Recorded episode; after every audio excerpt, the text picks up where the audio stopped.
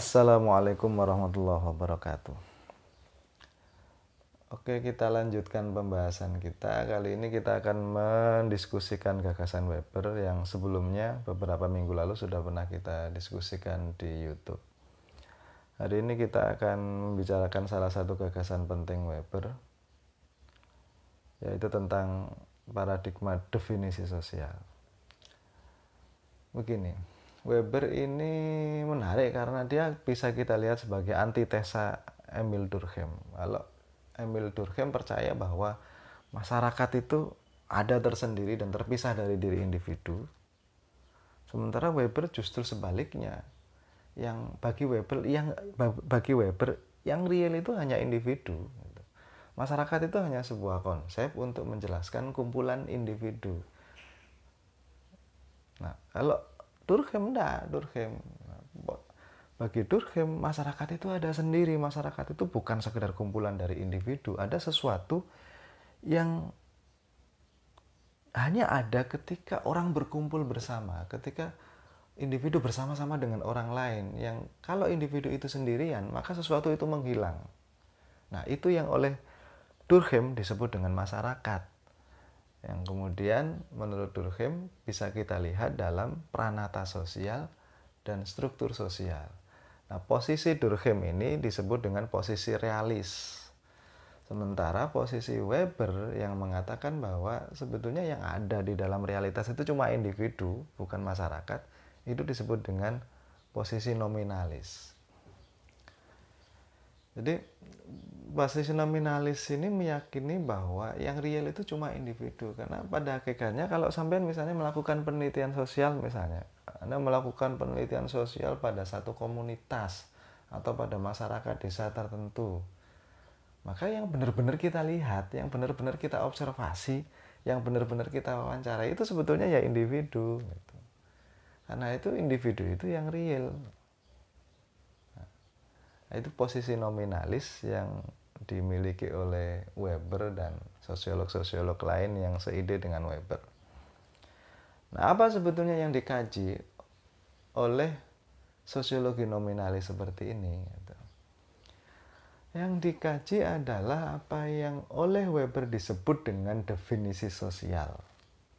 Nah, apa itu definisi sosial? Definisi sosial itu gampang-gampangannya adalah makna-makna subjektif yang muncul dari interaksi antar individu. Jadi bagi Weber, sosiologi itu harus mempelajari sesuatu yang ada hanya yang hanya ada di dalam dimensi subjektif manusia yang muncul pada saat dia berinteraksi dengan orang lain. Jadi interaksi yang penuh makna itu yang dipelajari oleh sosiologi dan itu yang kemudian disebut dengan paradigma definisi sosial. Nah, metode yang dipakai untuk memahami makna-makna subjektif itu oleh Weber lalu disebut dengan Vestein. Vestein itu gampang-gampangannya adalah upaya untuk memahami subjek orang yang diteliti itu dengan cara menempatkan diri kita seakan-akan kita berada di posisi subjek di posisi orang yang kita teliti nah, oleh karena itu biasanya orang yang melakukan penelitian dengan menggunakan metode Vestein itu butuh waktu yang sangat panjang kenapa karena tidak bisa ketemu satu dua kali lalu kemudian kita sudah bisa memahami secara secara baik tentang bagaimana seseorang itu memahami dunianya, bagaimana seseorang itu mengalami dunia dengan pengalaman-pengalaman subjektifnya. Itu baru bisa kita tahu setelah kita terlibat dalam jangka waktu yang relatif panjang. Jadi tidak benar sebagian orang yang mengatakan bahwa wah penelitian kualitatif itu mudah karena kita tinggal ketemu satu dua kali dan selesai. Gitu. Nah, itu kan latihan, latihan penelitian.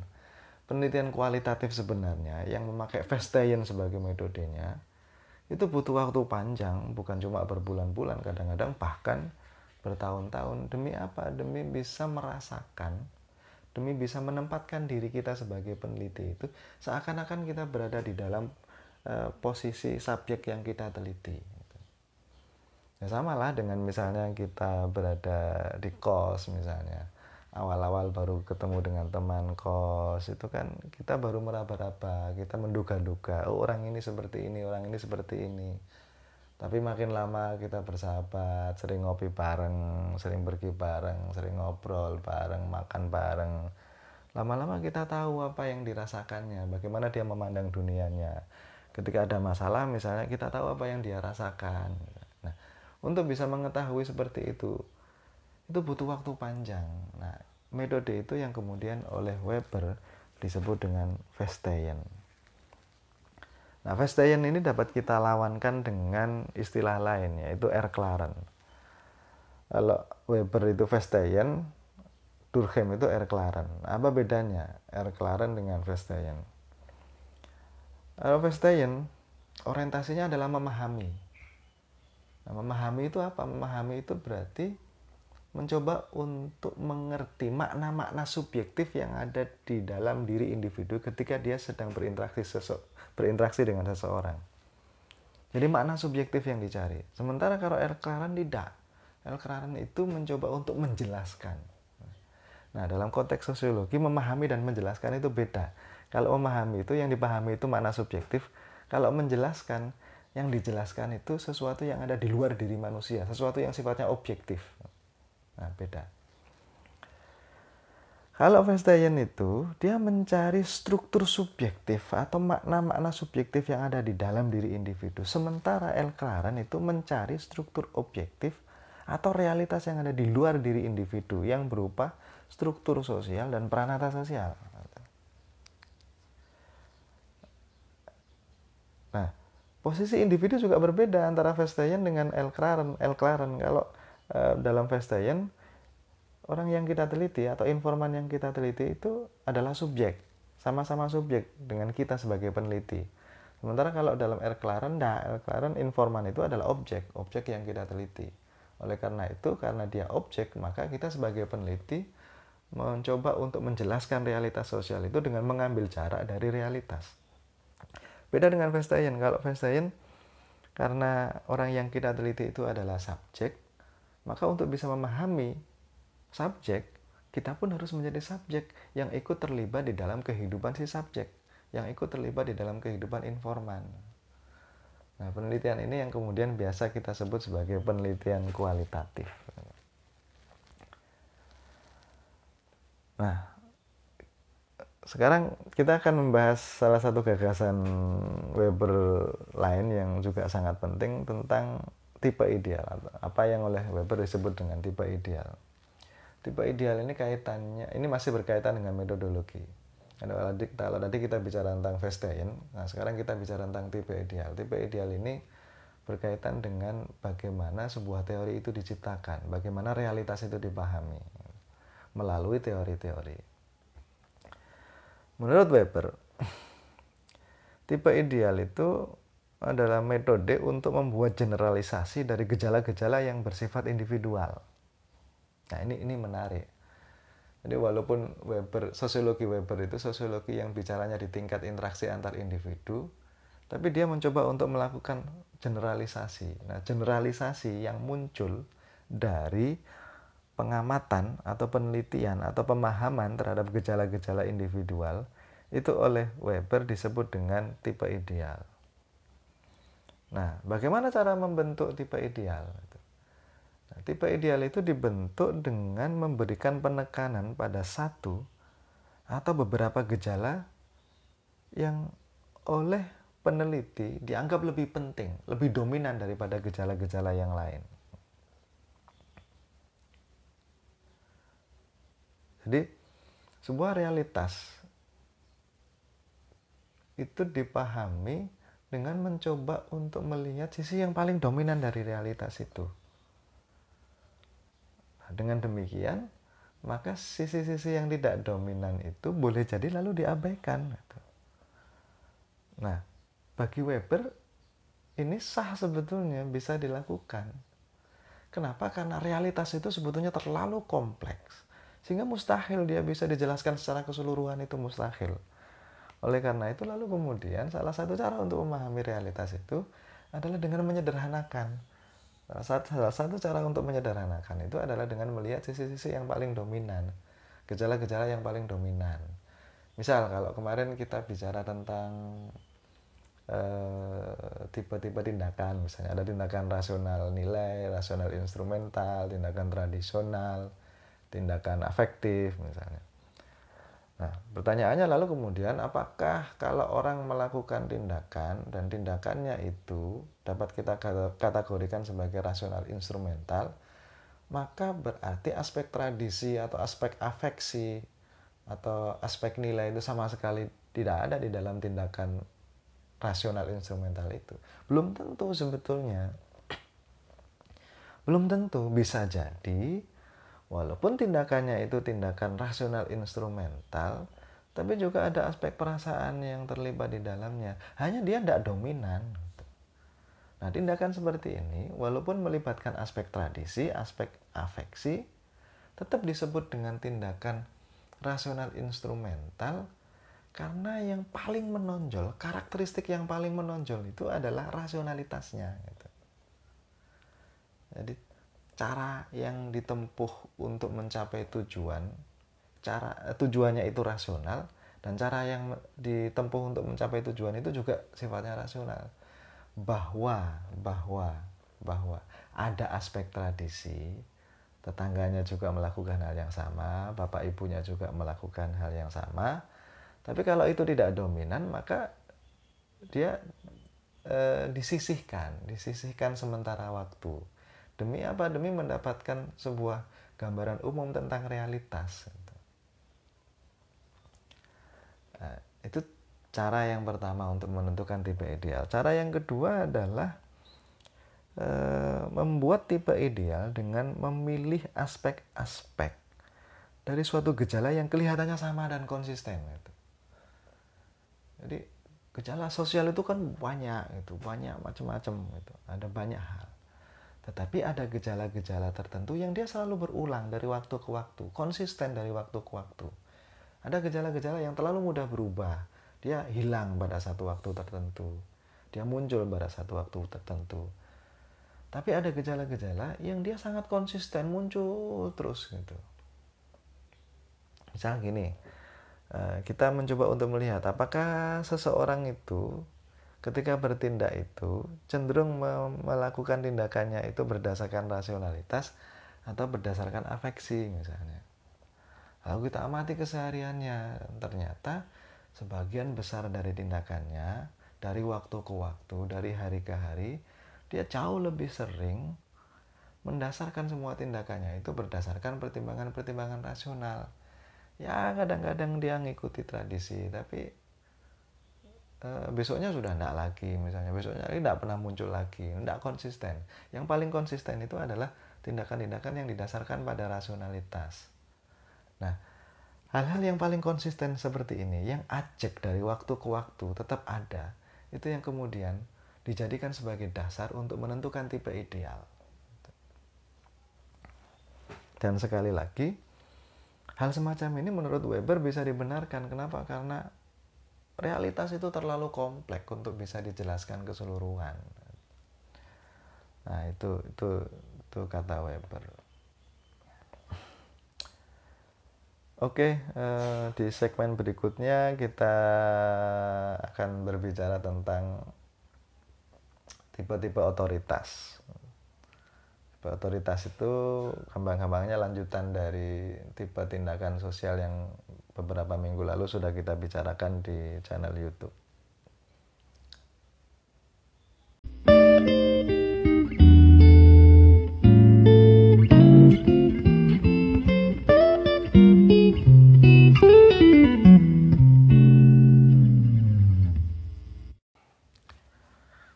segmen kedua ini kita akan berbicara tentang tipe-tipe otoritas.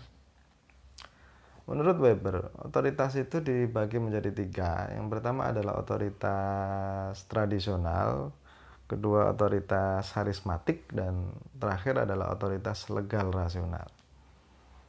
Nah, apa itu sebetulnya otoritas? Kembang-kembangannya otoritas itu adalah kemampuan untuk menggerakkan orang lain jadi kalau sampean punya kemampuan untuk menggerakkan orang lain dan orang itu patuh, orang itu bersedia untuk mengikuti sampean, berarti sampean punya otoritas. Jadi otoritas itu menuntut kepatuhan. Akan ada orang-orang yang bersedia taat dan mematuhi apa yang sampean inginkan, apa yang sampean perintahkan, apa yang sampean katakan. Nah, itu namanya otoritas. Nah, sekarang pertanyaannya adalah dari mana otoritas itu muncul gitu. Kenapa orang kemudian bersedia patuh pada orang lain? Dari mana kekuatan untuk menggerakkan orang lain itu muncul? Nah, itu yang kemudian dijawab oleh Weber dengan tipe, tipe tiga tipe otoritas itu. Yang pertama adalah kemampuan orang untuk menggerakkan orang lain itu bisa jadi muncul karena tradisi. Nah, oleh Weber ini disebut dengan otoritas tradisional. Jadi, otoritas ini diperoleh karena ada satu kepercayaan terhadap keluhuran tradisi tertentu dan orang-orang yang menjalankan tradisi itu.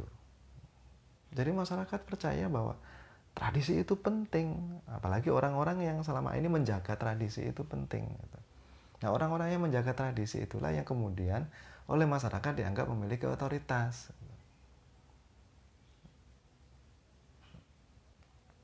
itu jadi seseorang memperoleh otoritas karena tradisi gitu. nah, otoritas tradisional itu sering kali diwariskan secara turun temurun gitu. jadi kalau anaknya ketua suku ya dia bakal jadi ketua suku lagi tapi memang tidak selalu tidak selalu seperti itu ya tergantung bagaimana tradisi tradisi memilih seorang pemimpin yang akan dikasih otoritas untuk memimpin masyarakatnya kalau tradisi menghendaki bahwa e, kepemimpinan itu diputuskan secara turun temurun maka ya sudah itu dilakukan maka seorang pemimpin akan muncul karena keturunan gitu. tapi kalau tradisi menghendaki hal yang lain ya maka kepemimpinan atau otoritas itu akan diperoleh dengan cara yang oleh tradisi direstui. Misal di dalam suatu masyarakat yang mengidolakan kekuatan misalnya, boleh jadi pemimpin akan dipilih dari orang yang menurut masyarakat paling kuat, yang bisa melakukan sesuatu misalnya, yang orang lain tidak bisa. Nah itu itu otoritas tradisional yang didasarkan pada tradisi-tradisi yang oleh masyarakat sangat dihormati. Yang kedua adalah otoritas harismatik. Kalau otoritas tradisional itu didasarkan pada tradisi dan tradisi itu ada di luar diri individu, kalau otoritas harismatik ini tidak. Otoritas harismatik itu justru ukurannya adalah diri individu yang memiliki otoritas. Kalau ada seorang individu yang memiliki kelebihan-kelebihan luar biasa, kemampuan-kemampuan luar biasa yang oleh masyarakat sangat dihargai, maka orang seperti ini boleh jadi lalu memiliki kemampuan untuk menggerakkan orang lain. Nah, kemampuan untuk menggerakkan orang lain yang muncul karena kualitas-kualitas pribadi yang luar biasa itu disebut dengan otoritas harismatik. Jadi kepatuhan orang-orang, kepatuhan para pengikut terhadap pribadi ini, terhadap orang ini muncul karena orang itu dianggap memiliki kemampuan yang luar biasa, baik itu keilmuan misalnya, atau kedekatan dengan Tuhan, atau kemampuan uh, kemampuan dia apa namanya berbicara itu luar biasa sehingga dia menyemangati banyak orang misalnya. Nah, itu otoritas harismatik seperti itu. Nah, yang menarik adalah menurut Weber otoritas harismatik itu biasanya tidak diorientasikan pada hal-hal yang rutin yang sifatnya stabil dan langgeng. Nah, gitu. Otoritas harismatik itu biasanya dipakai untuk menggerakkan perubahan-perubahan, menentang status quo kepemimpinan harismatik itu biasanya tidak puas dengan keadaan yang ada saat ini. Dia muncul justru karena ketidakpuasan dengan keadaan. Oleh karena itu, sering kali kepemimpinan harismatik atau otoritas harismatik itu muncul pada situasi krisis. Di mana ada krisis, lalu orang merindukan sosok yang oleh masyarakat dianggap mampu mengeluarkan mereka dari krisis. Dan oleh karena itu begitu ada orang yang dianggap memiliki kemampuan luar biasa, yang diyakini mampu membawa masyarakat keluar dari krisis, maka otoritas semacam itu disebut dengan otoritas harismatik. Jadi biasanya dia dia memiliki karakter yang tidak puas dengan keadaan. Dia memiliki karakter subversif ingin merubah keadaan ingin mendobrak kemapanan. Nah motivasi yang kemudian perlu dipertahankan oleh orang yang memiliki otoritas harismatik itu agar terus mendapatkan kepercayaan dari pengikutnya adalah uh, itu uh, itu maksud saya itu sangat tergantung pada bagaimana kemampuan sang pemimpin itu untuk memperlihatkan kualitasnya itu secara berulang-ulang. Jadi otoritas harismatik itu tetap akan mendapatkan kesetiaan para pengikutnya selama sang pemimpin, selama orang yang memiliki otoritas itu mampu menunjukkan bahwa kualitas itu mampu dia pertahankan, dia tunjukkan secara terus-menerus di hadapan para pengikutnya. Kalau tidak, maka boleh jadi kesetiaan para pengikutnya menjadi pudar. Nah, oleh karena itu memang otoritas harismatik itu tak jarang dia sangat labil. Kenapa? Karena misal kalau eh, sang pemimpin itu meninggal dunia misalnya, belum tentu ada pemimpin lain yang kemudian mampu melanjutkan eh, gaya kepemimpinannya sebagaimana harisma yang dimiliki oleh pemimpin sebelumnya. Dan oleh karena itu sering kali gerakan-gerakan sosial yang mendasarkan otoritasnya pada kepemimpinan harismatik itu begitu kemudian tidak memiliki pengganti yang memadai yang sepadan dengan pemimpin sebelumnya maka gerakan ini lalu kemudian musnah. Dia luntur.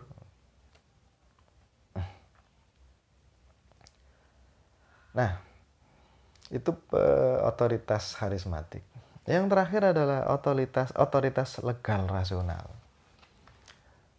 kalau otoritas tradisional itu diperoleh melalui tradisi, kalau otoritas harismatik itu karena kemampuan individu yang dianggap oleh luar biasa, dianggap luar biasa. Kalau otoritas legal rasional itu dia memperoleh otoritasnya itu karena karena legitimasi peraturan karena posisi yang dia peroleh berdasarkan pada peraturan peraturan tertentu yang secara formal memberikan legitimasi dan kekuasaan pada orang itu. Jadi otoritas yang diperoleh itu bukan karena kualitas pribadinya, tapi karena posisi. Dia memiliki posisi-posisi tertentu yang lebih tinggi daripada orang lain. Sehingga posisi yang lebih tinggi daripada orang lain itu kemudian memberikan hak pada dia untuk menyuruh dan menggerakkan orang-orang yang berada di bawahnya. Dan posisi itu dilegitimasi berdasarkan pada peraturan. Jadi kalau dekan itu otoritasnya adalah otoritas legal rasional. Karena Anda mematuhi dekan karena posisinya sebagai dekan. Dalam kehidupan sehari-hari di rumah misalnya boleh jadi beliau adalah teman sampean itu. Tapi kalau di kantor beda lagi dia dekan yang memiliki kekuasaan untuk memerintah sampean walaupun sampean sebetulnya adalah temennya gitu. Punya kekuasaan untuk menegur sampean punya kekuasaan untuk mengoreksi apa yang sampean lakukan karena posisinya dekan gitu. nah, posisi dekan itu adalah posisi yang diberikan berdasarkan pada peraturan. Nah otoritas seperti ini disebut dengan otoritas legal rasional Uh, Oke, okay, itu segmen kedua. Di segmen ketiga nanti kita akan berbicara tentang etika Protestan dan semangat kapitalisme.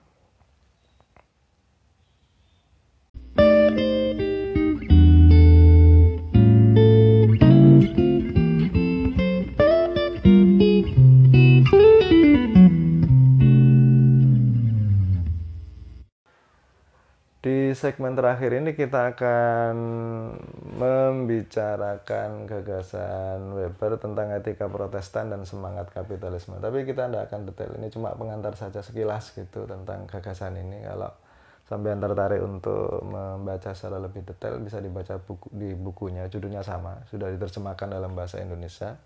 Judulnya Etika Protestan dan Semangat Kapitalisme. Nah, Weber ini mengambil posisi yang bertentangan dengan Karl Marx. Menurut Karl Marx yang menggerakkan perubahan itu adalah struktur produksi ekonomi, kondisi material seseorang. Jadi kondisi material seseorang lah yang mampu melahirkan perubahan-perubahan signifikan di dalam sejarah. Nah, Weber berbeda. Weber justru meyakini bahwa ide itu bisa menggerakkan perubahan. Kalau Marx sudah percaya, bagi Marx ide itu hanya bangunan atas yang dia akan mengikuti apa yang terjadi di bangunan bawah. Bangunan bawah itu adalah struktur produksi ekonomi, kondisi material seseorang.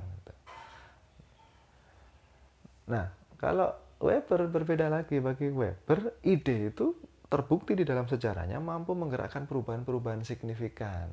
Nah, salah satu yang kemudian dibahas oleh Weber adalah perubahan yang terjadi pada perekonomian masyarakat pada masa itu yang digerakkan oleh e, sebuah etika yang berasal dari agama Protestan. Gitu. Jadi bagi Weber, etika Protestan itu mampu menggerakkan perubahan ekonomi sehingga muncul apa yang saat ini kita kenal sebagai kapitalisme. Jadi kapitalisme awal itu menurut Weber, menurut Weber munculnya, muncul pertama kali itu karena ada suatu etika yang dimiliki oleh sekelompok pengusaha yang diambil dari ajaran-ajaran Protestan. Bagi Weber, etika Protestan itu membantu pada proses rasionalisasi pada kehidupan perekonomian masyarakat Barat pada saat itu, termasuk juga segmen-segmen kehidupan lain selain ekonomi. Nah, apa itu sebetulnya etika Protestan? Etika Protestan atau Calvinis itu mengajarkan bahwa seseorang itu sebetulnya sudah ditakdirkan untuk masuk surga atau masuk neraka. Jadi nasib seseorang itu sudah pasti gitu dia kalau nggak surga ya neraka itu sudah sejak awal ditentukan oleh Tuhan gitu. tapi problemnya adalah pada saat di dunia mereka tidak tahu sebetulnya mereka itu bakalan masuk surga apa masuk neraka dan oleh karena itu lalu kemudian mereka gelisah nah tetapi untungnya untungnya Tuhan menyediakan cara agar manusia itu bisa mengetahui, bisa memprediksi kira-kira dia bakal masuk surga apa masuk neraka. Nah, cara itu adalah dengan melihat bagaimana nasib orang-orang di dunia. Kalau pada saat di dunia itu dia makmur, perekonomiannya baik, maka itu bukti bahwa Tuhan itu menyayangi mereka dan besok ketika di akhirat bakalan masuk surga. Sementara orang-orang yang tidak berhasil dalam konteks perekonomian itu kira-kira bakalan masuk neraka. Nah, eh, rasa ingin tahu seperti itu, rasa ingin tahu apakah dia ini sebetulnya masuk surga atau masuk neraka itu yang kemudian menggerakkan pengusaha-pengusaha pada saat itu untuk E, melakukan kegiatan ekonomi. Jadi mereka ingin memastikan bahwa mereka ini ahli surga atau ahli neraka. Dengan cara apa? Dengan cara melakukan kegiatan ekonomi secara luar biasa. Nah, ini yang menarik. Jadi kalau di, di banyak tradisi agama lain, kepastian nasib itu, kepastian nasib yang ditentukan oleh takdir itu sering kali memunculkan sikap fatalis sikap ya sudah oh, ngapain juga berusaha uang sudah ditakdirkan seperti ini gitu. itu sikap fatalis tapi kalau di tradisi Calvinis itu beda kepastian nasib seseorang itu di surga apa di neraka itu justru memunculkan sikap kerja keras kenapa karena dia ingin membuktikan bahwa memang dia ini ahli surga gitu. sehingga e, dari rasa penasaran itu rasa gelisah itu dia ingin menenangkan dirinya mencari ketenangan dengan membuktikan bahwa dia memang layak untuk menjadi ahli surga. Ini menariknya, menariknya. Nah,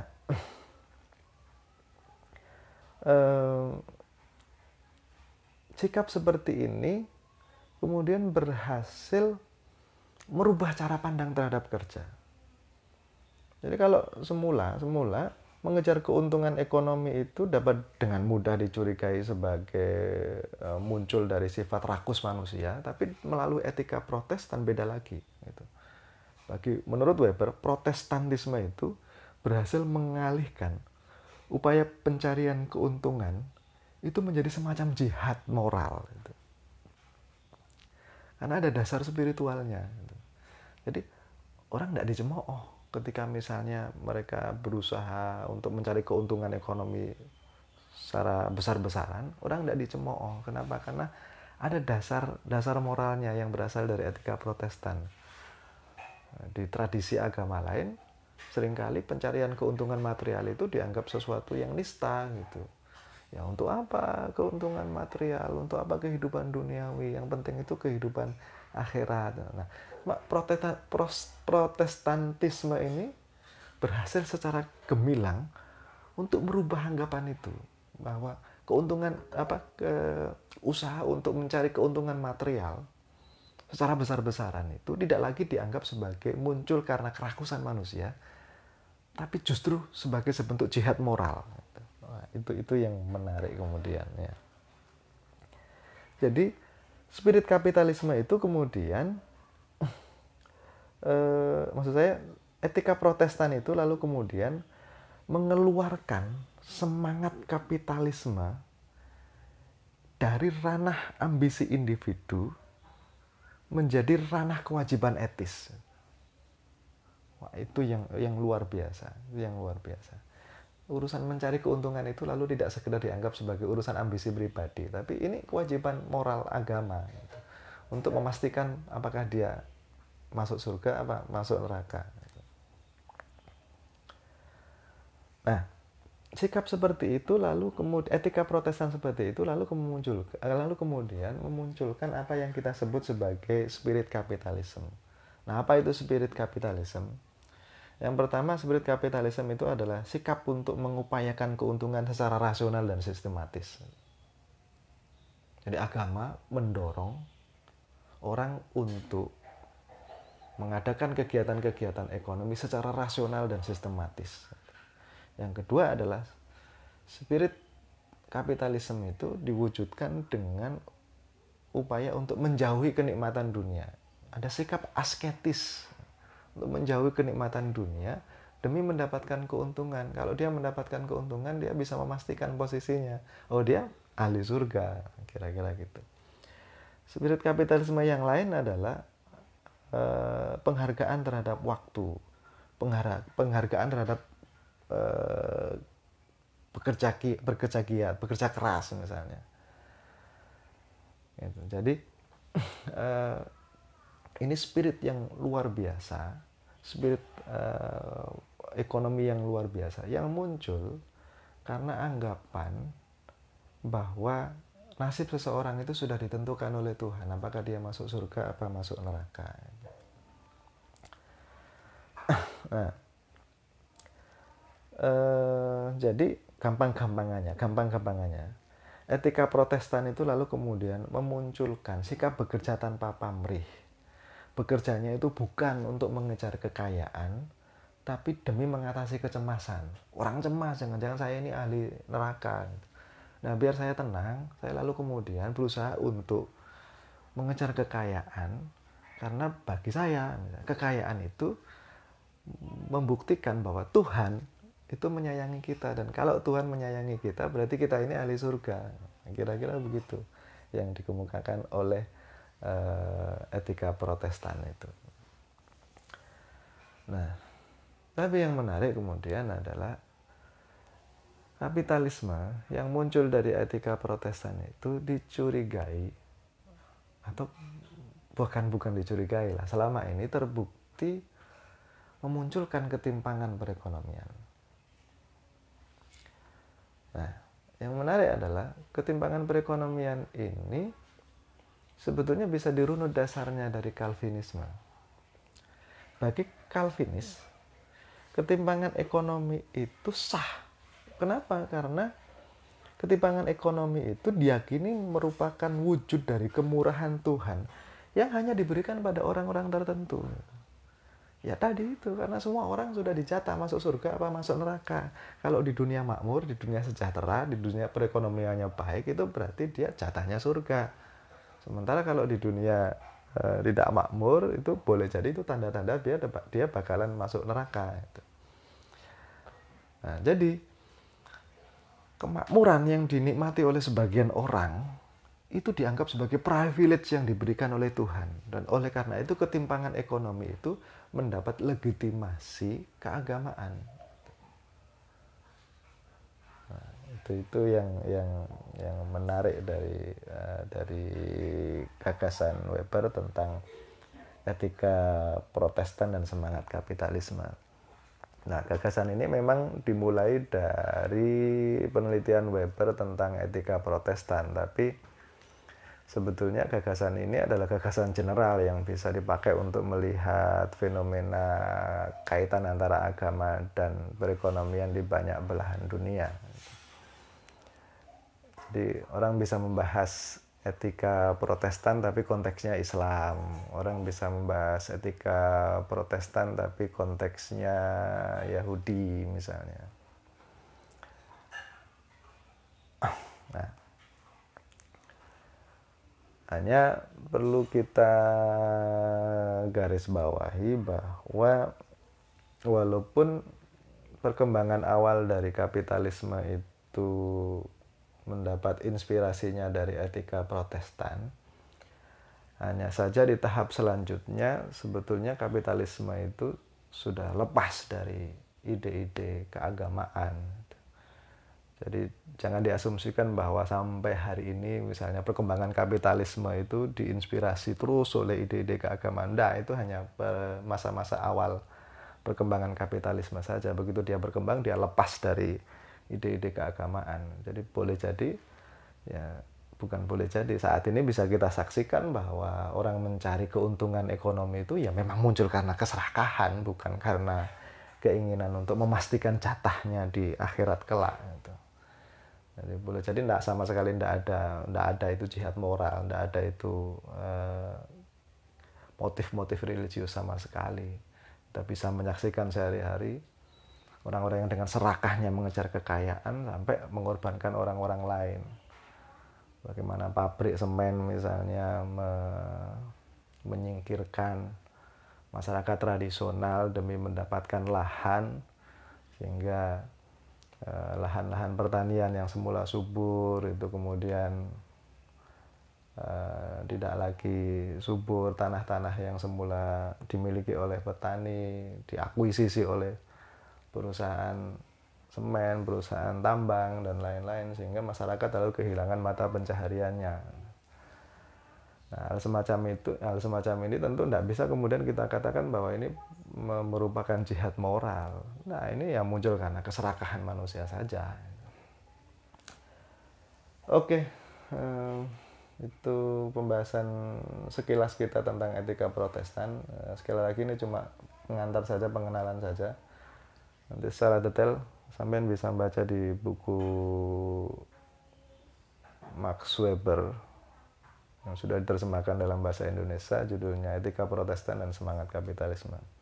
Saya akhiri, Assalamualaikum warahmatullahi wabarakatuh.